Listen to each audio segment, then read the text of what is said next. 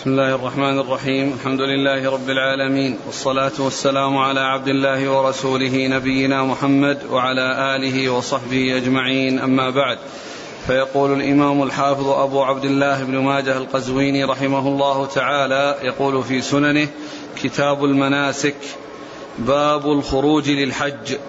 قال حدثنا هشام بن عمار وأبو مصعب الزهري وسويد بن سعيد قالوا حدثنا مالك بن أنس عن سمي مولى أبي بكر بن عبد الرحمن عن أبي صالح السمان عن أبي هريرة رضي الله عنه أن رسول الله صلى الله عليه وعلى آله وسلم قال السفر قطعة من العذاب يمنع أحدكم منامه وطعامه وشرابه فإذا قضى أحدكم نهمته من سفره فليعجل بالرجوع إلى أهله.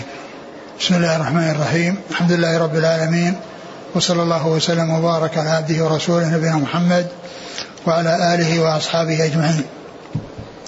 أما بعد فيقول الإمام أبو عبد الله آه، بن ماجه رحمه الله كتاب المناسك. والمناسك هي المقصود بها مناسك الحج والعمرة. ويقال ويقول بعض المؤلفين كتاب الحج. بعضهم يقول كتاب الحج والعمرة. فهذه كلها أسماء تطلق على هذه أو على على هذه على هذا العمل الذي هو الحج والعمرة. فيأتي ذكر العمرة على حدة في كتاب في بعض المؤلفات وفي بعضها الحج على حدة وفي بعضها يأتي كتاب المناسك الذي يشمل الحج والعمرة. كتاب المناسك الذي يشمل الحج والعمرة كما فعل آه، ابن ماجه رحمه الله في هذا الكتاب. ثم ذكر حديث أبي هريرة رضي الله تعالى عنه ثم ذكر باب الخروج إلى الحج. باب الخروج إلى الحج. وأورد فيه حديث أبي هريرة السفر قطعة من العذاب. وجه إراده في هذا الباب الذي هو الخروج إلى الحج لأنه خروج في سفر. والحديث عام في جميع الأسفار. والحج هو واحد من هذه الأسفار. والحج أو العمرة واحدان من هذه اثنان من هذه الأسفار التي هي آه، خروج من البلد إلى إلى الحج أو العمرة. فهما جزء أو آه، آه، نوعان أو مثالان من أمثلة الأسفار الكثيرة التي تحصل من الناس. فلهذا أورد هذا الحديث العام الذي يشمل الحج وغيره. ولهذا يأتي في بعض الأحاديث المتعلقة بالأسفار آه ذكر ما يتعلق بالحج والعمرة مثل لا يحل لامرأة تؤمن بالله واليوم الآخر تسافر إلا مع ذي محرم.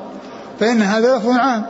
جاء النبي صلى الله عليه وسلم يتعلق بأي سفر. ومن المعلوم أن الحج أو العمرة آه، فيهما سفر. فيكون فيكون فيكونان فيكونان داخل داخلين في آه، آه، في في في, في هذا المعنى أو في هذا العموم الذي هو قوله في سفر. يعني سواء كان لحج أو عمرة أو غير ذلك. ولهذا ذكر العلماء أن من شروط وجوب الحج على العمرة على المرأة أنها آه، يكون عندها محرم يسافر معها. لهذا الحديث ولغيره من الأحاديث الأخرى التي تتعلق بالحج لأنه إذا جاء ما يتعلق بالحج فيما يتعلق بالسفر الحج. الرجل الذي جاء إلى النبي صلى الله عليه وسلم وقال يا رسول الله إن امرأتي آه يعني خرجت حاجة وإني اكتتبت بغزوة كذا وكذا. فقال عليه الصلاة والسلام اذهب فحج مع امرأتك. أرشده إلى أن يترك الجهاد وأن يذهب مرافقا لامرأته ليكون محرما لها.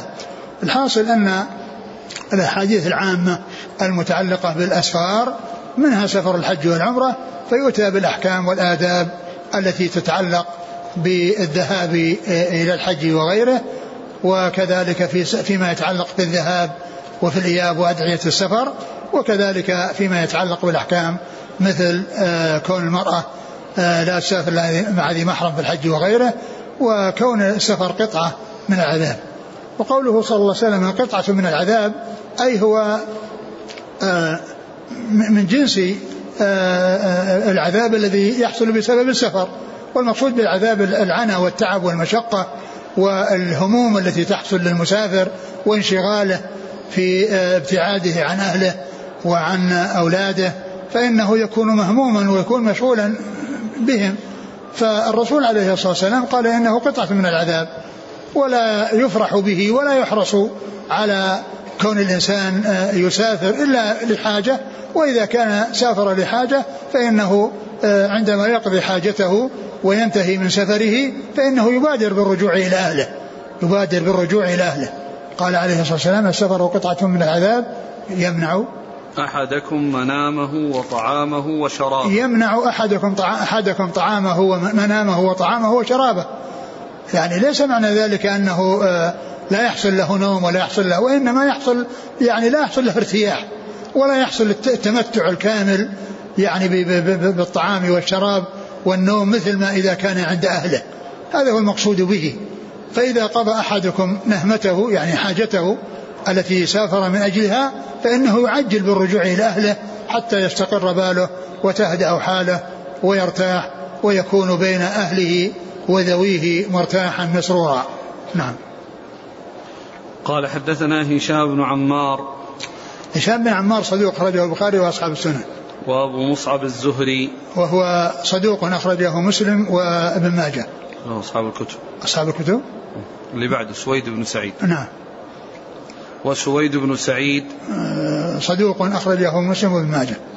قالوا حدثنا مالك بن أنس. مالك بن أنس إمام دار الهجرة المحدث الفقيه أحد أصحاب المذاهب الأربعة المشهورة من مذاهب أهل السنة وحديثه أخرجه أصحاب الكتب الستة. عن سمي مولى أبي بكر بن عبد الرحمن. سمي مولى أبي بكر بن عبد الرحمن بن الحارث بن هشام وهو ثقة أخرجه أصحاب الكتب. عن أبي صالح السمان. أبو صالح السمان هو ذكوان. اسمه ذكوان ولقبه السمان ويقال الزيات لأنه كان يبيع الزيت والسمن فنسب هذه النسبة وهي نسبة مهنة وحرفة من نسبة عمل يعني سمان زيات يعني يبيع الزيت ويبيع السمن وهو ثقة أخرجها أصحاب الكتب. عن أبي هريرة. عن أبي هريرة عبد الرحمن بن صخر الدوسي رضي الله عنه صاحب رسول الله عليه الصلاة والسلام وأحد السبعة المكثرين عن رسول الله عليه الصلاة والسلام بل هو أكثر السبعة على الإطلاق. فليس هناك أحد من أصحاب الرسول عليه الصلاة والسلام روى من الأحاديث مثل ما روى أبو هريرة رضي الله تعالى عنه. نعم. قال حدثنا يعقوب بن حميد بن كاسب قال حدثنا عبد العزيز بن محمد عن سهيل عن أبيه عن أبي هريرة رضي الله عنه عن النبي صلى الله عليه وسلم بنحوه. ثم ذكر هذا الإسناد إسناد آخر يتعلق بهذا الحديث الذي هو سهر قطعة من العذاب وقال بنحوه أي بنحو المتن المذكور قبل ذلك. يعني معناه إذا قيل نحوه يعني معناه أن فيه اتفاقا في المعنى واختلافا في الألفاظ لأن هذا المراد بنحوه. وإذا قيل مثله فهو مطابق للمتن إذا قيل مثله يعني معناه أنه مطابق. وإذا قيل نحوه يعني قريبا منه أو بلفظ مقارب يعني معناه اتفاق في المعنى واختلاف في الألفاظ. نعم. قال حدثنا يعقوب بن حميد بن كاسب. هو؟ صدوق ربما وهم أخرج له البخاري في خلق أفعال العباد بن ماجه. نعم. عن عبد العزيز بن محمد. وهو الدراوردي صدوق خرج أصحاب الكتب. عن سهيل. سهيل بن أبي صالح السمان. وهو صدوق أخرج أصحاب الكتب وروايته في البخاري مقرون. عن أبيه عن أبي هريرة. أبوه ذكوان السمان وأبو هريرة مر ذكرهما في الحديث السابق. قال حدثنا علي بن محمد وعمرو بن عبد الله. قال حدثنا وكيع.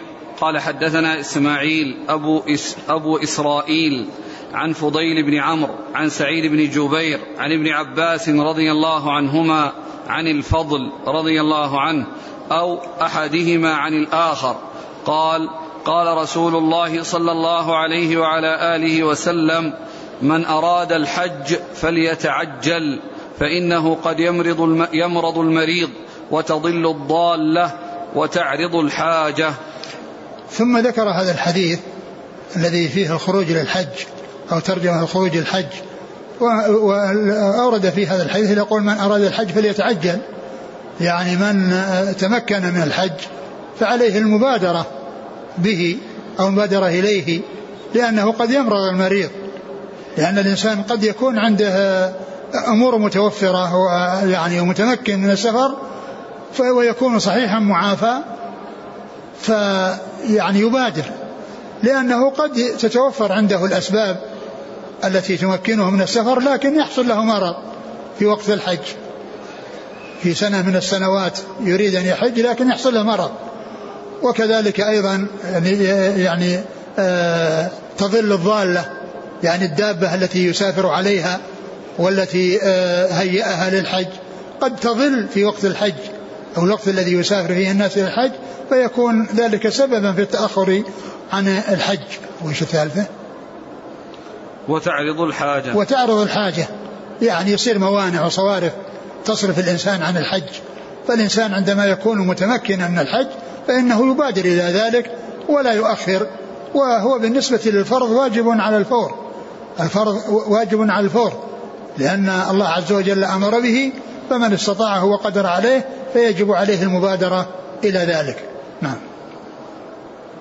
قال حدثنا علي بن محمد علي محمد الطنافسي وهو ثقة. أخرج له ثقة أخرجه النسائي في مسند علي وابن ماجه. وعمرو بن عبد الله. وهو ثقة أخرجه ابن ماجه. نعم. عن وكيع. وكيع بن الجراح الرؤاسي الكوفي ثقة أخرج أصحاب كتب عن إسماعيل أبي إسرائيل. إسماعيل بن خليفة وهو صدوق سيء الحفظ. نعم. الترمذي بن ماجه. نعم. عن فضيل بن عمرو. وهو ثقة أخرج له مسلم. وأبو داود في القدر. نعم. الترمذي والنسائي وابن ماجه. نعم. عن سعيد بن جبير. سعيد بن جبير ثقة أخرج أصحاب الكتب. عن ابن عباس. ابن عباس عبد الله بن عباس بن عبد المطلب ابن عم النبي صلى الله عليه وسلم واحد العباد الأربعة من الصحابة واحد السبعة المكثرين من حديث رسول الله صلى الله عليه وسلم. عن الفضل. عن الفضل الذي هو أخوه وهو أكبر منه لأن الفضل هو أكبر أولاد العباس. ولهذا العباس أبو الفضل وأمهم وزوجته لبابة مثل الحارث الهلالية وقال لها أم الفضل. فالفضل هو أكبر أولاد العباس لكن الذي اشتهر عندما يقال ابن عباس هو عبد الله بن عباس عندما يأتي عن ابن عباس فالمشتهر به ابن عباس. قال عن ابن عباس يعني عبد الله بن عباس عن الفضل أو أحدهما عن الآخر. يعني هل يعني الراوي الفضل عن عن عن عبد الله بن عباس أو عبد الله بن عباس عن الفضل وهما أخوان آه، يعني إما أن تكون الرواية عن هذا من هذا عن هذا أو العكس. نعم. والفضل هو الفضل بن العباس آه، أخرج له أصحاب الكتب. الأخ هنا يفيد أن الإمام أحمد أخرجه عن عبد الرزاق عن الثوري عن أبي إسرائيل به عن ابن عباس دون شك. إيه نعم. على كل حتى لو صار في شك ما يؤثر. يعني هو يعني عن ابن عباس اللي هو عبد الله لكن هذه الرواية التي معنا ولو كان فيها شك ما يؤثر لأن الشك بين الصحابي كون هذا روى عن هذا وهذا روى هذا أمره سهل. نعم. قال رحمه الله تعالى باب فرض الحج. قال حدثنا محمد بن عبد الله بن نمير وعلي بن محمد. قال حدثنا منصور بن وردان. قال حدثنا علي بن عبد الأعلى عن أبيه.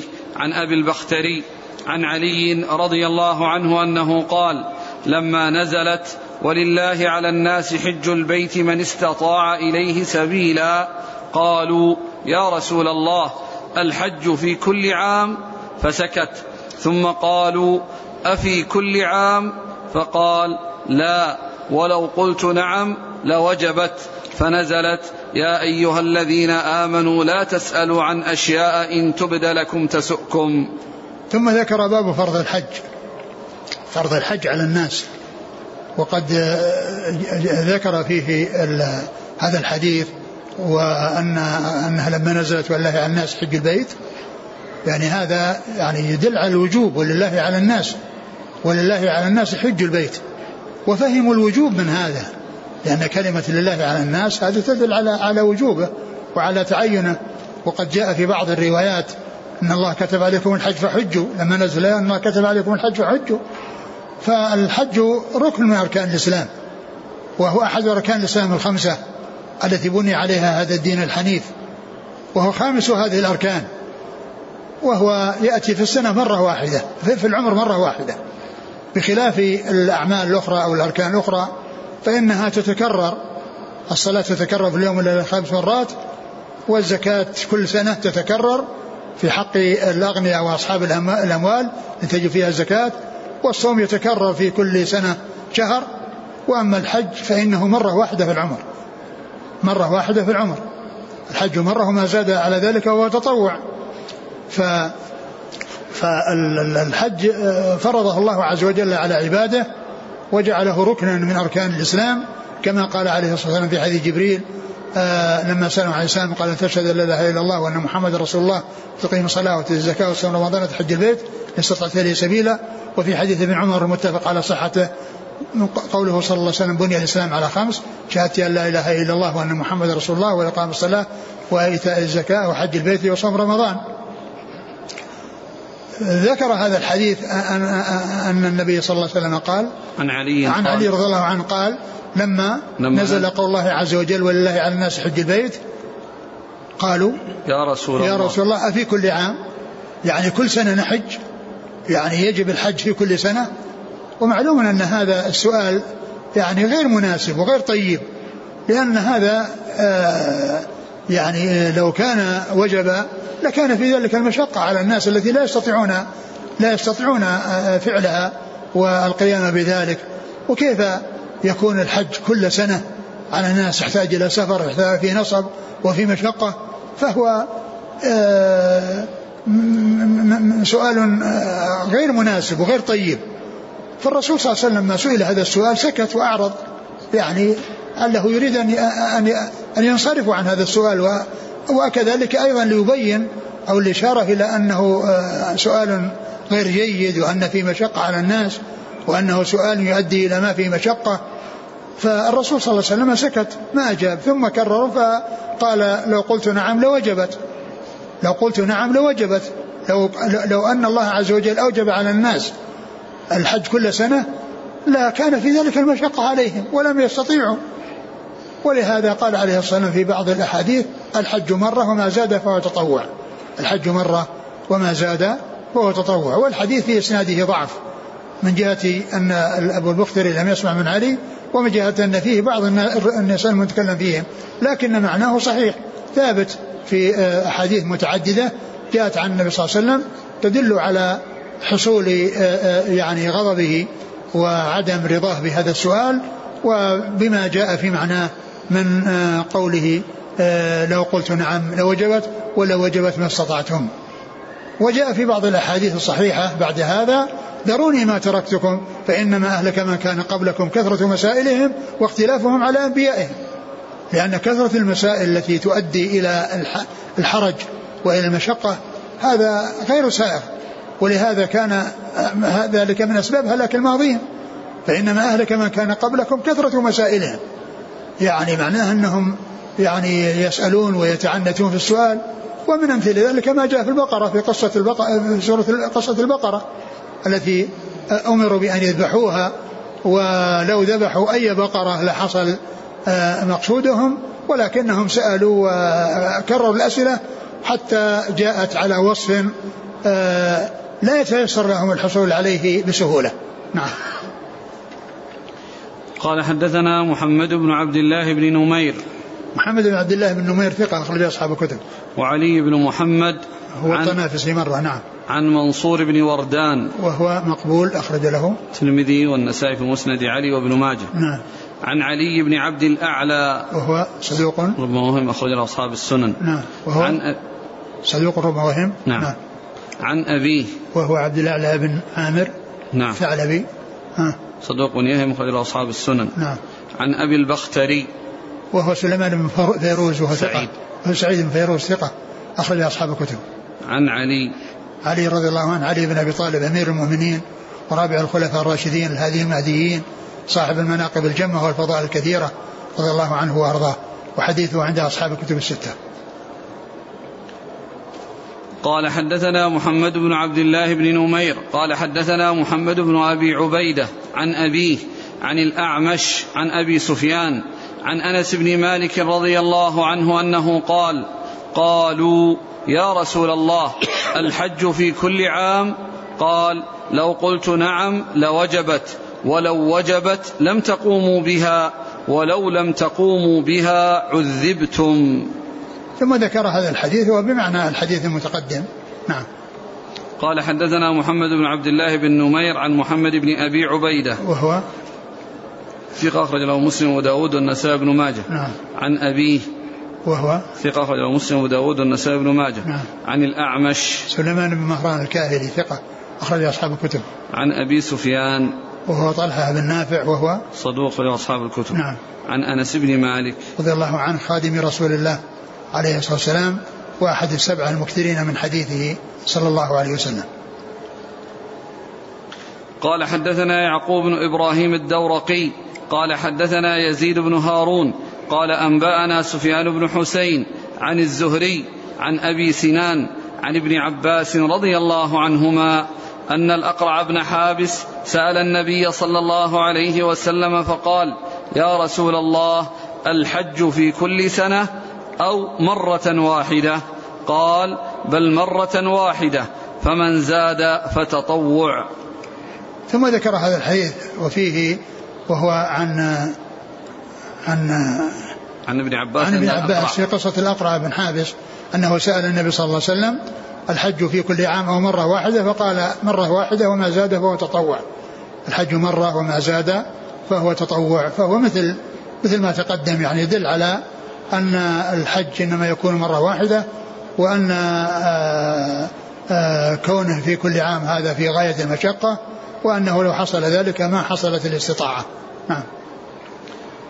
قال حدثنا يعقوب بن إبراهيم الدورقي. هو ثقة أخرجه أصحاب الكتب وهو شيخ لأصحاب الكتب وشيخ لأصحاب الكتب وهو من شيوخ من صغار شيوخ البخاري الذين يعني آه، روى عنهم وروى عنه عنه أيضا الذين روى آه، الذين روى البخاري روى عنه وروى عنه أيضا بقية أصحاب الكتب الستة كلهم يروون عنه. وهو ومحمد بن بشار ومحمد بن مثنى آه، كذلك يعني كل منهم روى عنه أصحاب الكتب. وهما وهم من صغار شيوخ البخاري وماتوا أي الثلاثة في سنة واحدة. وهي سنة 52 و200 أي قبل وفاة البخاري بأربع سنوات. فيعقوب بن إبراهيم الدورقي ومحمد بن بشار ومحمد مثنى هؤلاء الثلاثة من شيوخ أصحاب الكتب الستة وهم من صغار شيوخ البخاري وقد ماتوا في سنة واحدة وهي سنة 52 و200 نعم. عن يزيد بن هارون الواسطي وهو ثقة أخرج أصحاب الكتب. عن سفيان بن حسين وهو صدوق. أخرج له. ثقة في غير الزهري. آه، ثقة في غير الزهري. وهذا في من روايته عن الزهري.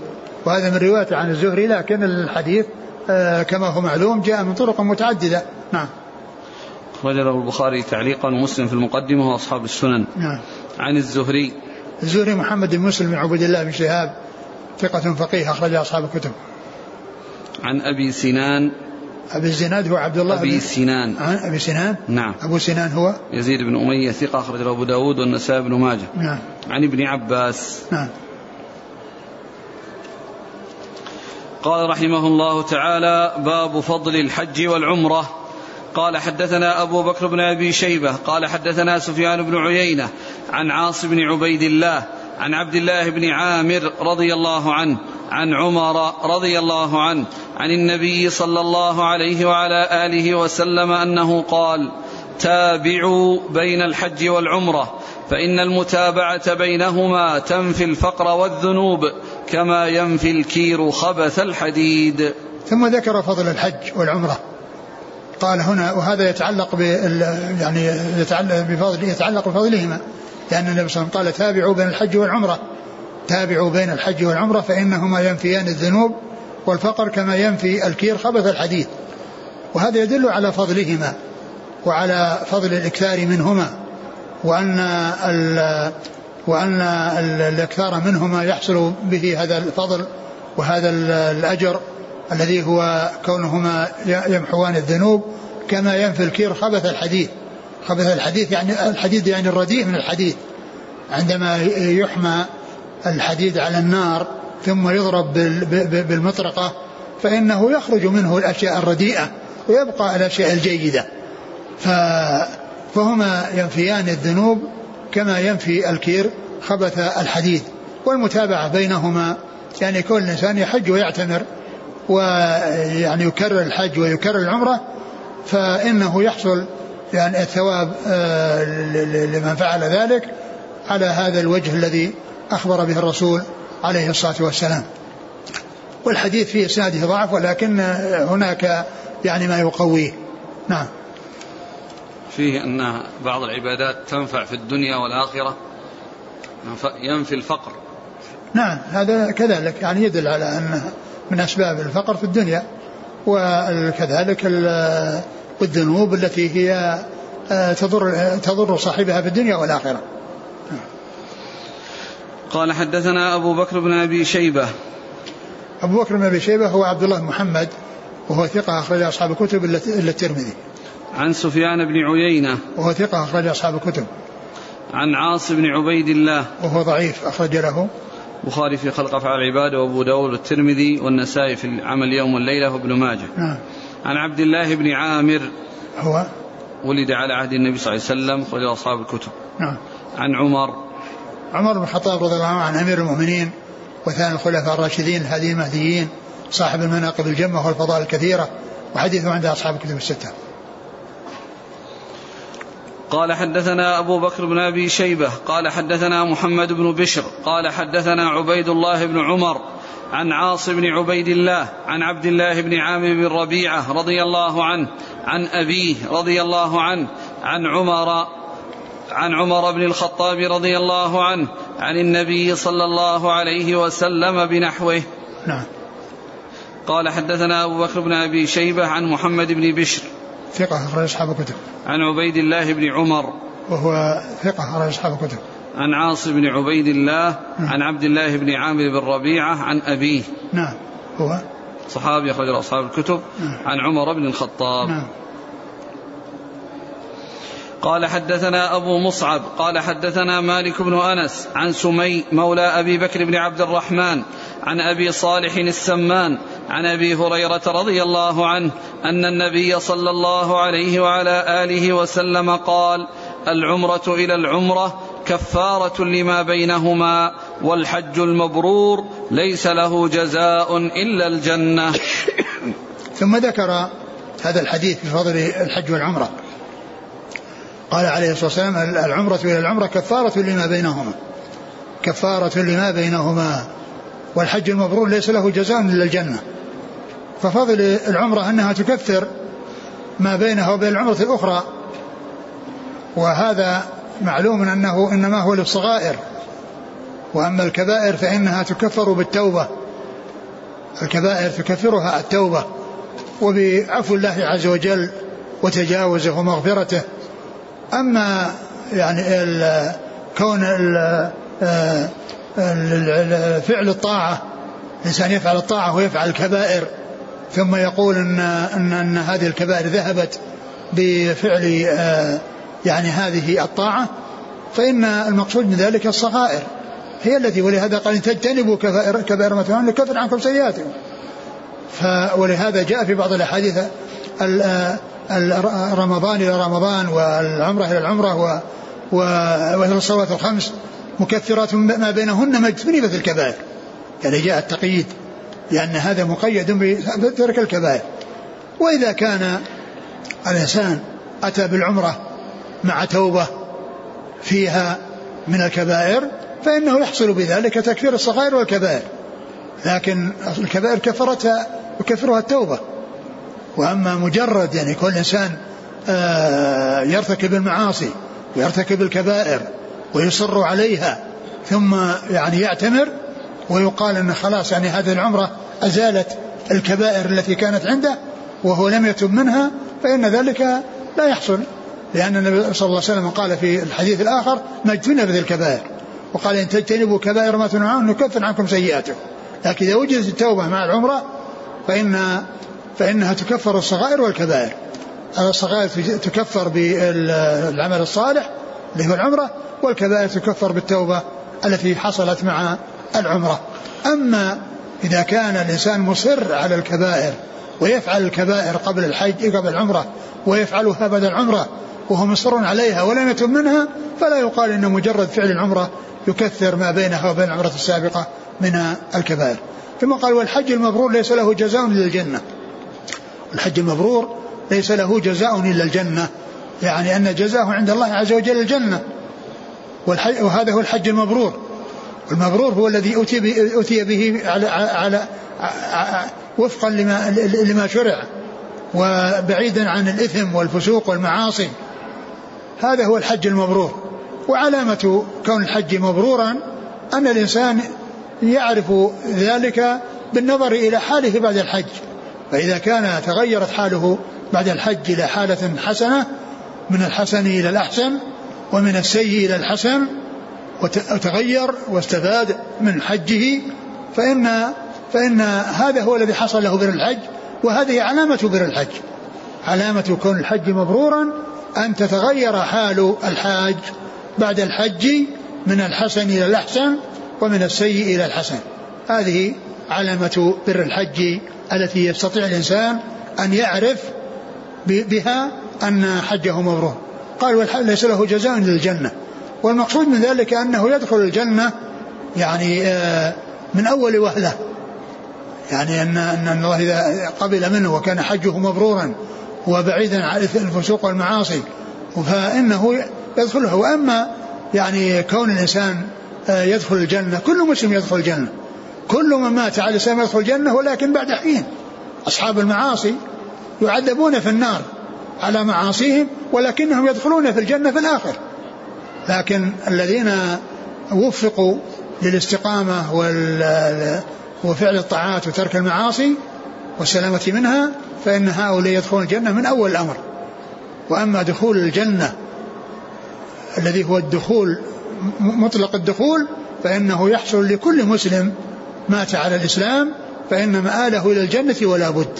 ولو بقي في النار ما بقي يعذب على كبائره وعلى جرائمه ولا يبقى في النار أبد الآباد إلا الكفار الذين هم أهلها ولا سبيل لهم إلى الخروج منها. نعم. قال حدثنا أبو مصعب عن مالك بن أنس عن سمي بن عبد بن أبي مولى أبي بكر بن عبد الرحمن عن أبي صالح عن أبي هريرة. هذا هو الإسناد مطابق للإسناد الأول. السفر قطعة من العذاب. إلا أن هذا عن شخص واحد وذاك عن عن شيخ واحد وهو أبو مصعب الزهري وأما الحديث السابق فهو عن ثلاثة منهم أبو مصعب هذا نعم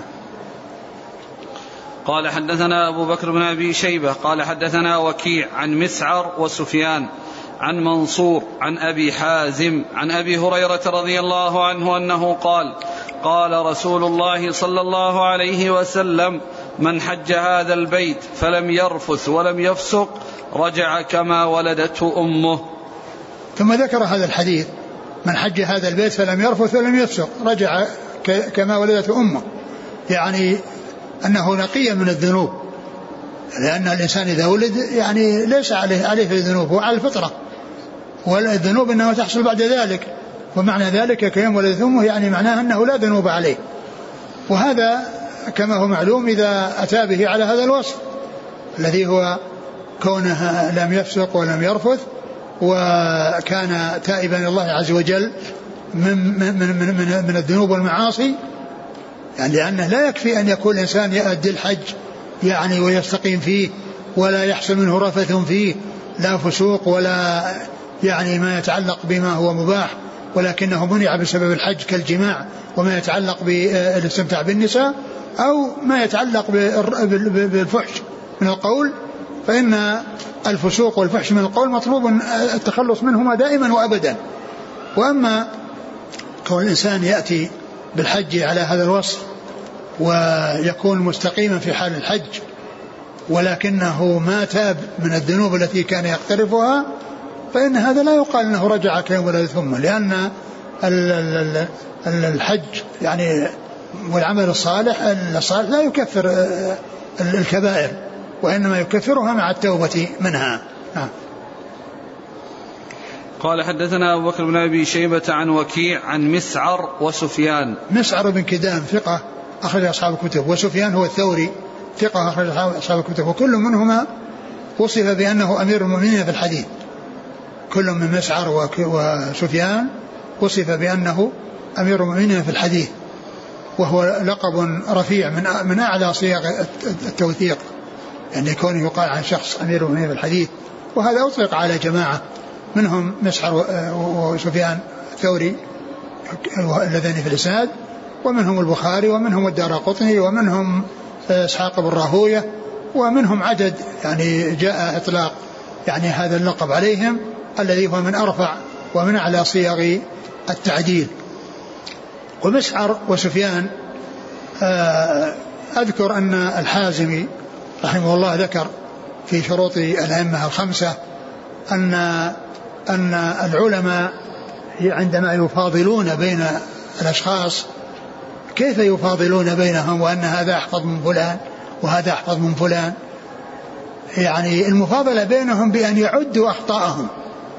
هذا كم خطأ خطأ كذا وهذا كذا فمن زاد خطأه كان أقل من الذي قل خطأه. فهذا هو الذي يميزون به ويعني بين الأشخاص في علو المنزلة وكون هذا أحفظ من هذا إنما بحصر ما أضيف إليه من من وهم أو من خطأ.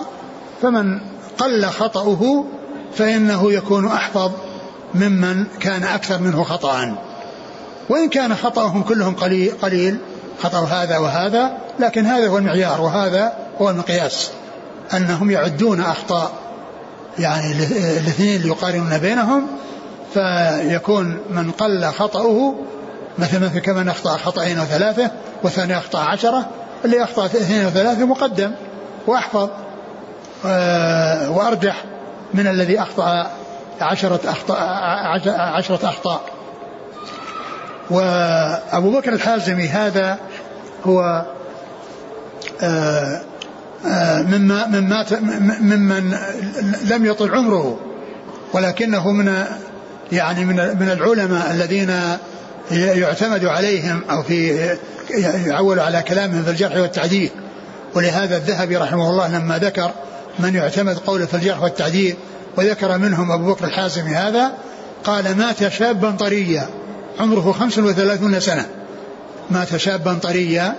عمره خمس وثلاثون سنة وهو مما يعتمد قوله في الجرح والتعديل ويماثله في هذا الزمان الشيخ حافظ الحكمي رحمه الله فإن مؤلفاته وعلومه التي خلفها كثيرة نثرا آه، وشعرا وفي في العقيدة وفي الفقه وفي الحديث وفي المصطلح وفي فنون مختلفة وعمره 35 سنة مثل أبي بكر الحازمي. كما قال فيه الذهبي مات شابا طريا. نعم. عن منصور. وأذكر أنه آه، قارن أن بين هذه الاثنين وذكر يعني كلام العلماء في المقارنة بينهم وأن سفيان الثوري أقل خطأ من مسعر نعم. عن منصور. عن منصور بن معتمر وهو ثقة أخرج أصحاب الكتب. عن أبي حازم. هو؟ سلمان ثقة أخرج له أصحاب الكتب. نعم. عن أبي أبي هريرة. نعم. قال رحمه الله تعالى باب الحج على الرحل. قال حدثنا علي بن محمد قال حدثنا وكيع عن الربيع بن صبيح عن يزيد بن أبان عن أنس بن مالك رضي الله عنه أنه قال حج النبي صلى الله عليه وعلى آله وسلم على رحل رث وقطيفة تسوى أربعة دراهم أو لا تسوى. ثم قال اللهم حجة لا رياء فيها ولا سمعة. ثم ذكر آه، باب الحج على الرحل. باب الحج على الرحل. الرحل هو الذي يوضع على البعير. هذا يقال له رحل. وكذلك يعني الذي يوضع على الفرس يقال له سرج. والذي يوضع على الحمار يقال له بربعة. فالرحل هو ما يوضع على البعير. وله يعني آه، قائمتان يعني آه، غير طويلتين واحدة أمامه والثانية وراءه. يعني ولهذا جاء في بعض الأحاديث ما يتعلق بالسترة مثل مؤخرة الرحل يعني العود الذي يستند إليه الراحل أو الخشبة التي يعني أو العود الذي تكون وراء الراحل وراء الراكب عندما يركب على بعيره فالمراد بالرحل هو ما يوضع على البعير. ليركب عليه صاحبه. وقد يركب عليه بغير رحل. لكن في الغالب أن الأسفار ما يكون فيها السفر إلا على رحل. يكون على رحل يركب عليه الإنسان وقد يركب الإنسان على البعير بدون رحل. يعني عري يعني بدون أن يكون عليه رحل. والمقصود هنا باب الحج على الرحل يعني على الرحل الذي يكون على البعير. والمقصود من هذا يعني التواضع.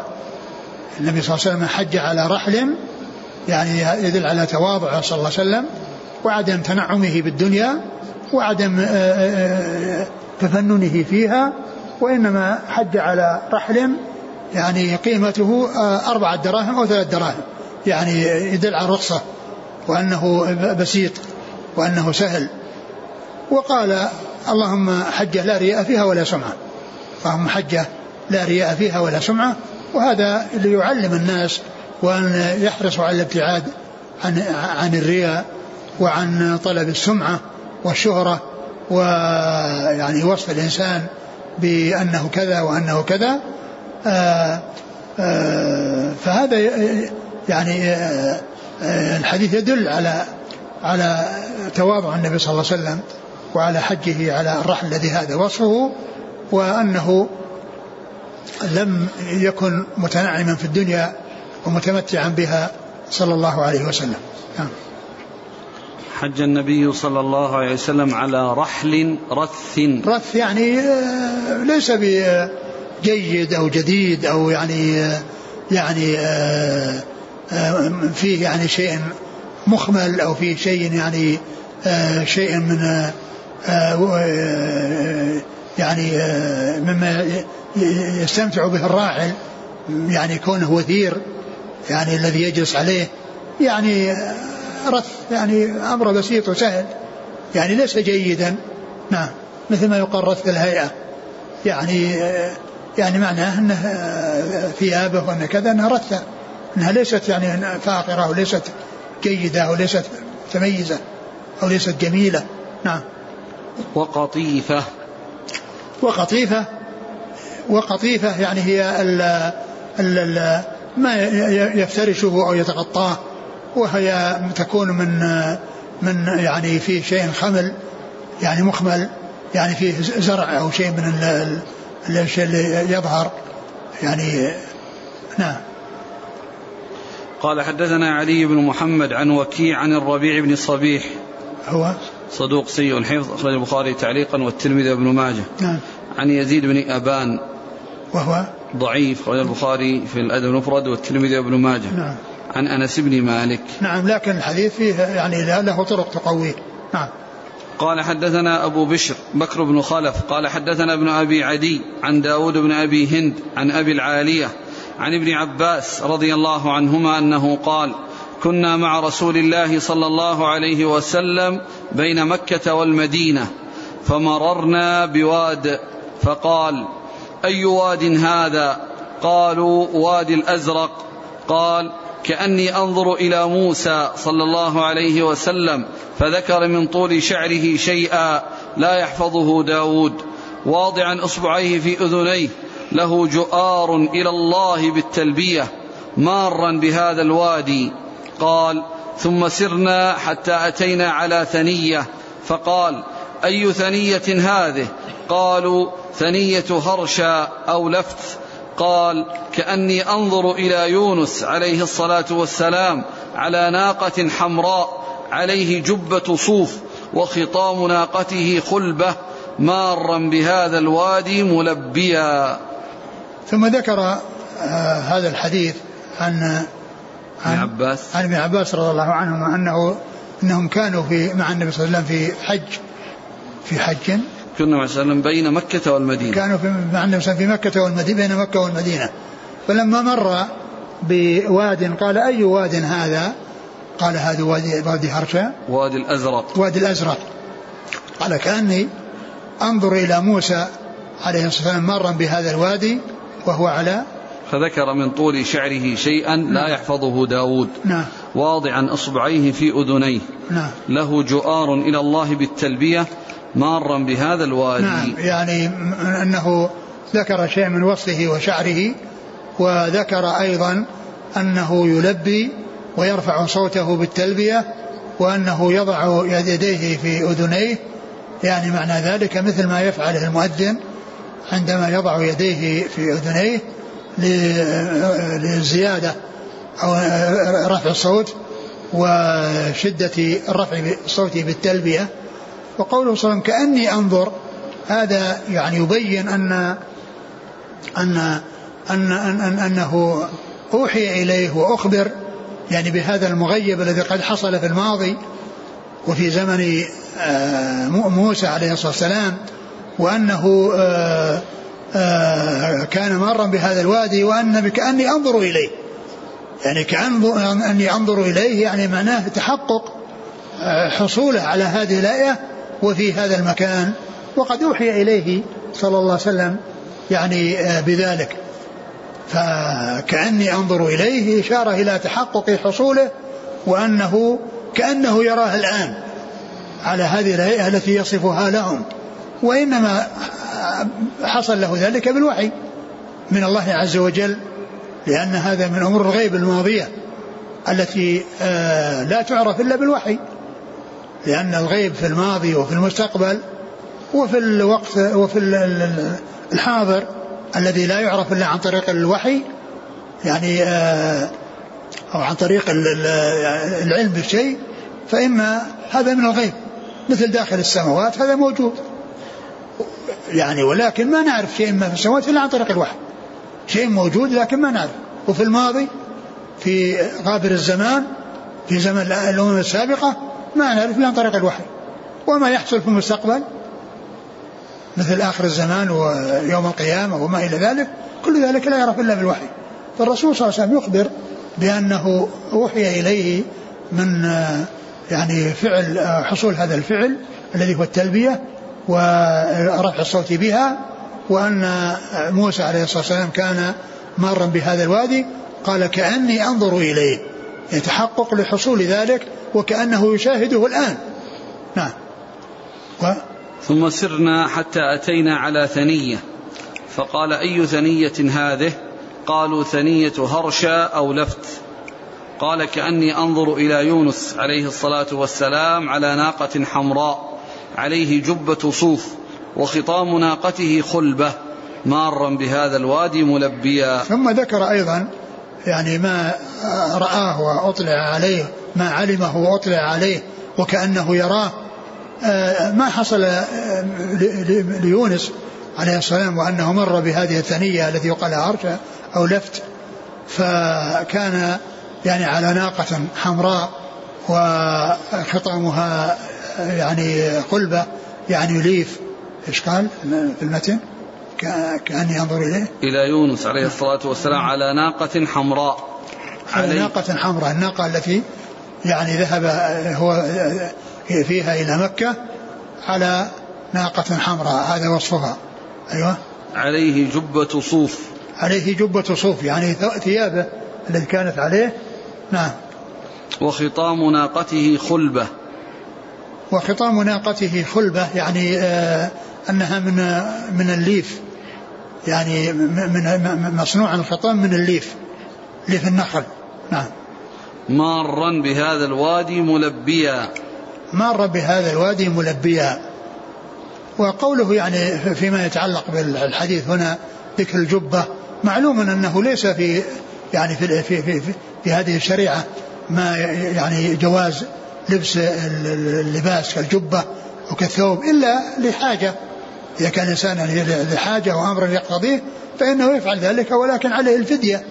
يعني إذا كان يعني محتاجا إلى أن يلبس اللباس فإنه يلبسه وعليه الفدية التي هي التخيير بين ثلاثة أشياء صيام ثلاثة أيام أو إطعام ستة مساكين لكل مسكين نصف صاع أو ذبح شاة كما جاء ذلك فيما يتعلق في, في حلق الرأس عند الحاجة إلى ذلك وهو محرم.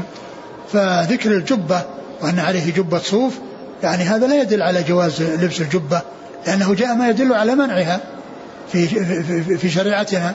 ويمكن تكون جائزة في تلك الشريعة ويمكن أن يكون أنها غير جائزة ولكنه آه، احتاج إليها. نعم. قال حدثنا أبو بشر بكر بن خلف. هو؟ صدوق البخاري تعليقا وأبو داود بن ماجه. نعم. عن ابن أبي عدي. وهو محمد بن إبراهيم ثقة أخرج أصحاب الكتب. عن داود بن أبي هند. وهو ثقة أخرج البخاري تعليقا ومسلم وأصحاب السنن. نعم. عن أبي العالية. وهو نفع وفيع بن مهران. وفيع بن مهران نعم. ثقة أخرج أصحاب الكتب. نعم. عن ابن عباس. نعم. أورد الحديث الحج على الرحل. كأنه يعني أتى به من أجل هذا اللي ذكره عن عن يونس. عن يونس. نعم. ناقة حمراء لم يذكر. يعني ذكر الناقة لكن الرحل ناقة حمراء عليه جبة صوف خطام ناقته خلبة. يعني ظهر أنه يعني معناها أنها معلوم أن أن أن أن, أن السفر الطويل ما يكون عليها وهي عري نعم. يعني معناه أنه في رحل هل يستفاد منه وضع الأصبعين في الأذنين عند التلبية؟ يشرع ذلك؟ لا يقال أنه يعني لأن ذاك كما عرفنا يعني عليه أيضا الجبة. وفي ذكر الجبة ولا يقال أنه يشرع في حقنا ولكنه يعني يدل على رفع الصوت. نعم. قال رحمه الله تعالى باب فضل دعاء الحاج. قال حدثنا إبراهيم بن المنذر الحزامي. قال حدثنا صالح بن عبد الله بن صالح مولى بني عامر. قال حدثني يعقوب بن يحيى بن عباد بن عبد الله بن الزبير عن أبي صالح السمان عن أبي هريرة رضي الله عنه عن رسول الله صلى الله عليه وسلم أنه قال الحجاج والعمار وفد الله إن دعوه أجابهم وإن استغفروه غفر لهم. ثم ذكر دعاء الحاج باب دعاء الحاج. فضل دعاء فضل دعاء الحاج. يعني يكون الإنسان في هذه العبادة ويدعو الله عز وجل هذا مظنة الإجابة وفي ذلك فضل.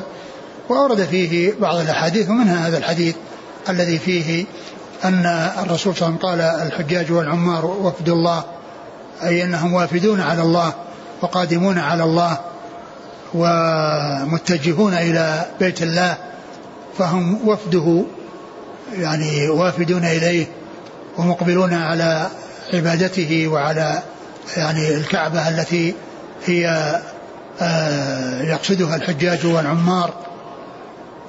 إن دعوه أجابهم وإن استغفروه فاستغفر لهم. غفر لهم وإن استغفروه وإن استغفروه غفر لهم وإن استغفروه غفر لهم.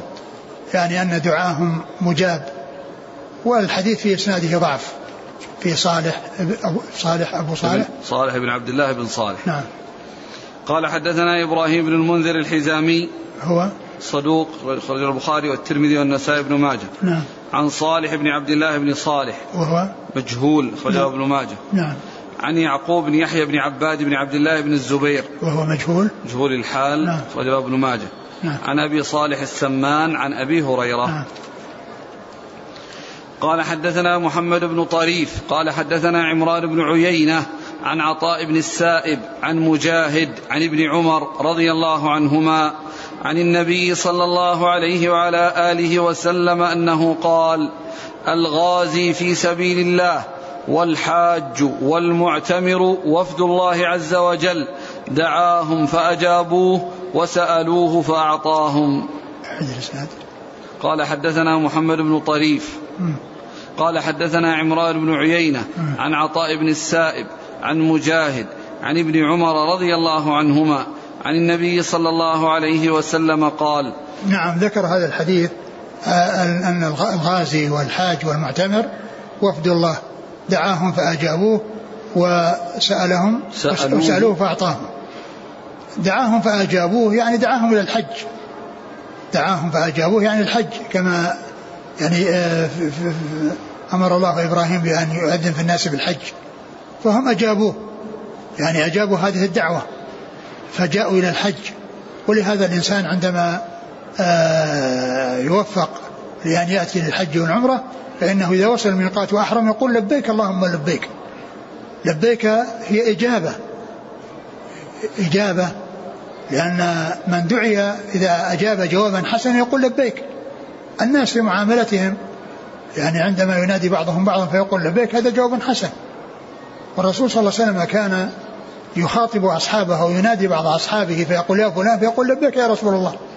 لبيك يا رسول جوابا حسن. يعني إجابة نداء وإجابة دعاء. فالحجاج والعمار عندما يأتون للحج أو العمرة يعني أجابوا هذه الدعوة التي يدعو إليها لحج بيته الحرام أو للاعتمار لبيته الحرام. فإنهم آه، يكونون بذلك. أجابوا هذه الدعوة وعندما يأتون الإحرام عند عند الإحرام يلبون يقول لبيك يعني أنك يا ربي دعوتني لحج بيتك أو للاعتمار لبيتك عند إلى بيتك وأنك يسرت لي السبيل ووصلت إلى هذا المكان الذي يكون فيه الإحرام فلبيك اللهم لبيك فلبيك اللهم لبيك. هم وفد الله دعا دعاهم فأجابوه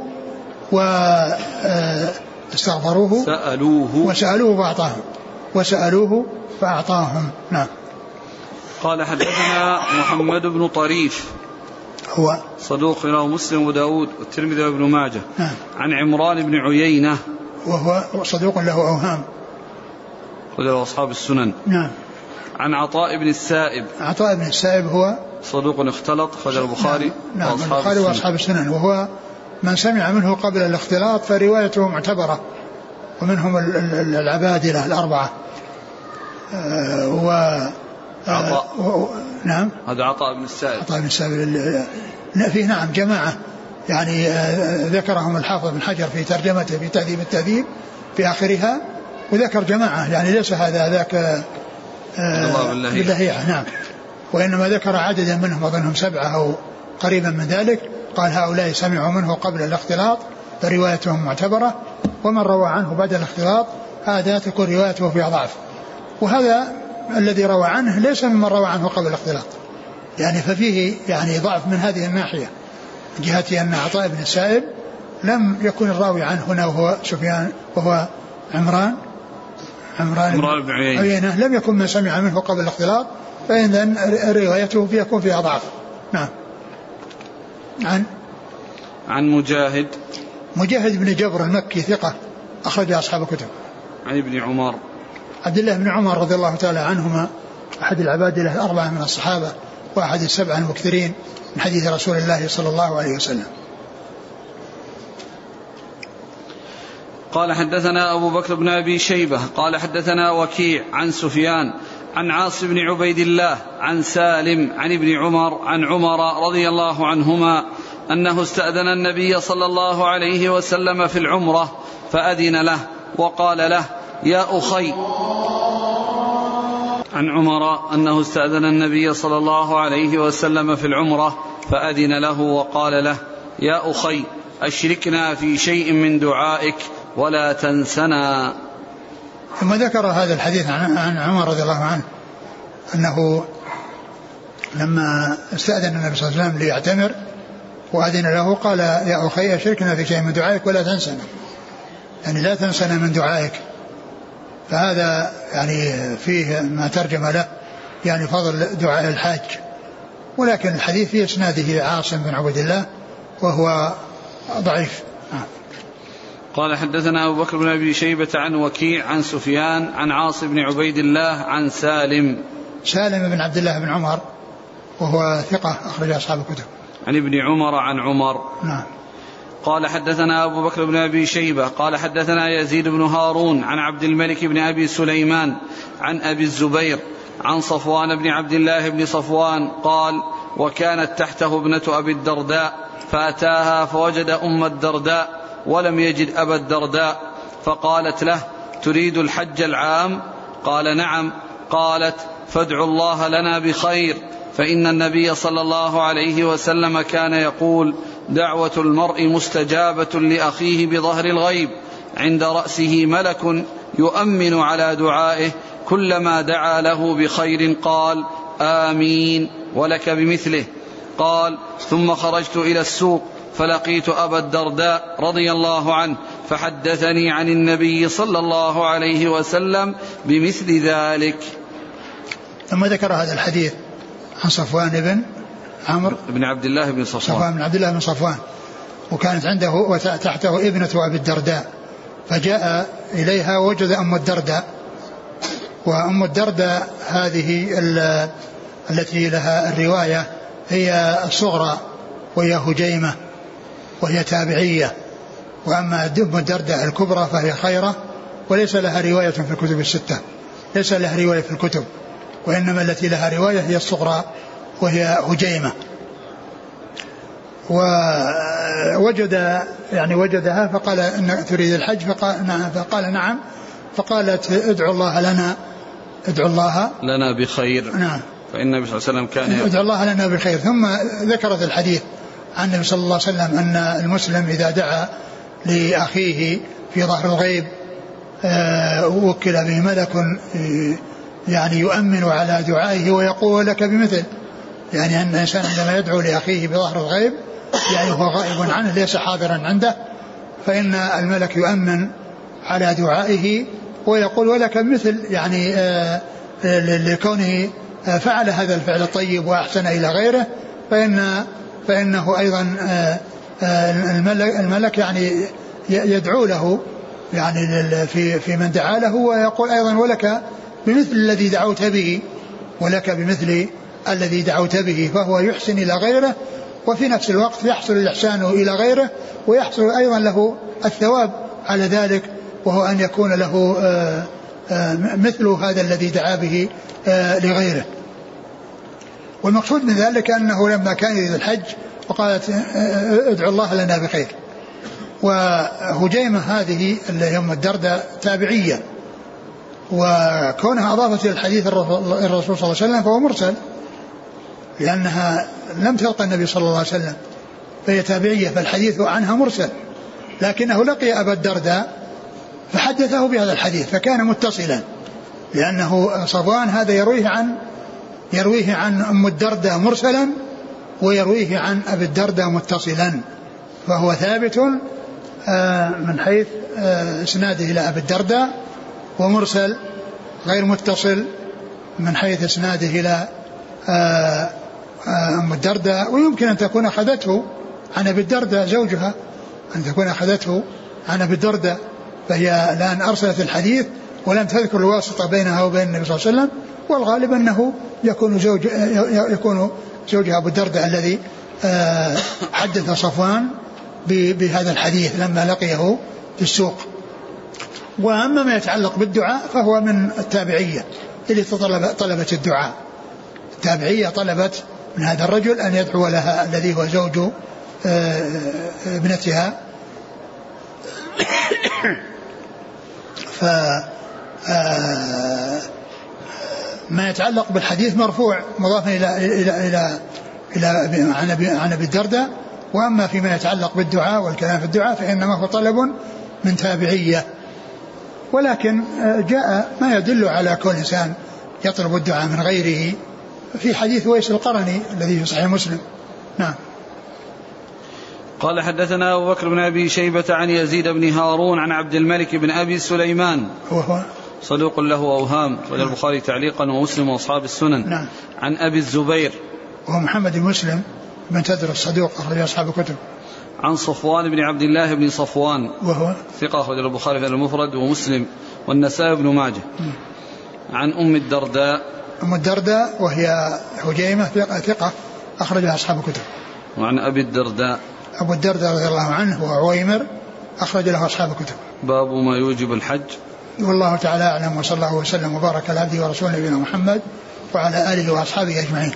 هذا الحديث فيه يعني طلب الدعاء من الغير وطلب الدعاء من الغير جائز لكن لا ينبغي أن يكون شأن الإنسان أنه آه، يكون مهمة أن يطلب الدعاء من الغير. ولكن ينبغي أن تكون مهمة أن يكون هو نفسه داعيا. يعني يسأل الله ويلح على الله في الدعاء ويكون على صلة وثيقة بالله يسأله ويرجوه ويدعوه ويثني عليه ويعظمه. ويسأله. أما كون الإنسان يكون غافلا عن يكون هو نفسه داعيا وشأنه أدعو لي أدعو لي أدعو لي هذا ليس بجيد.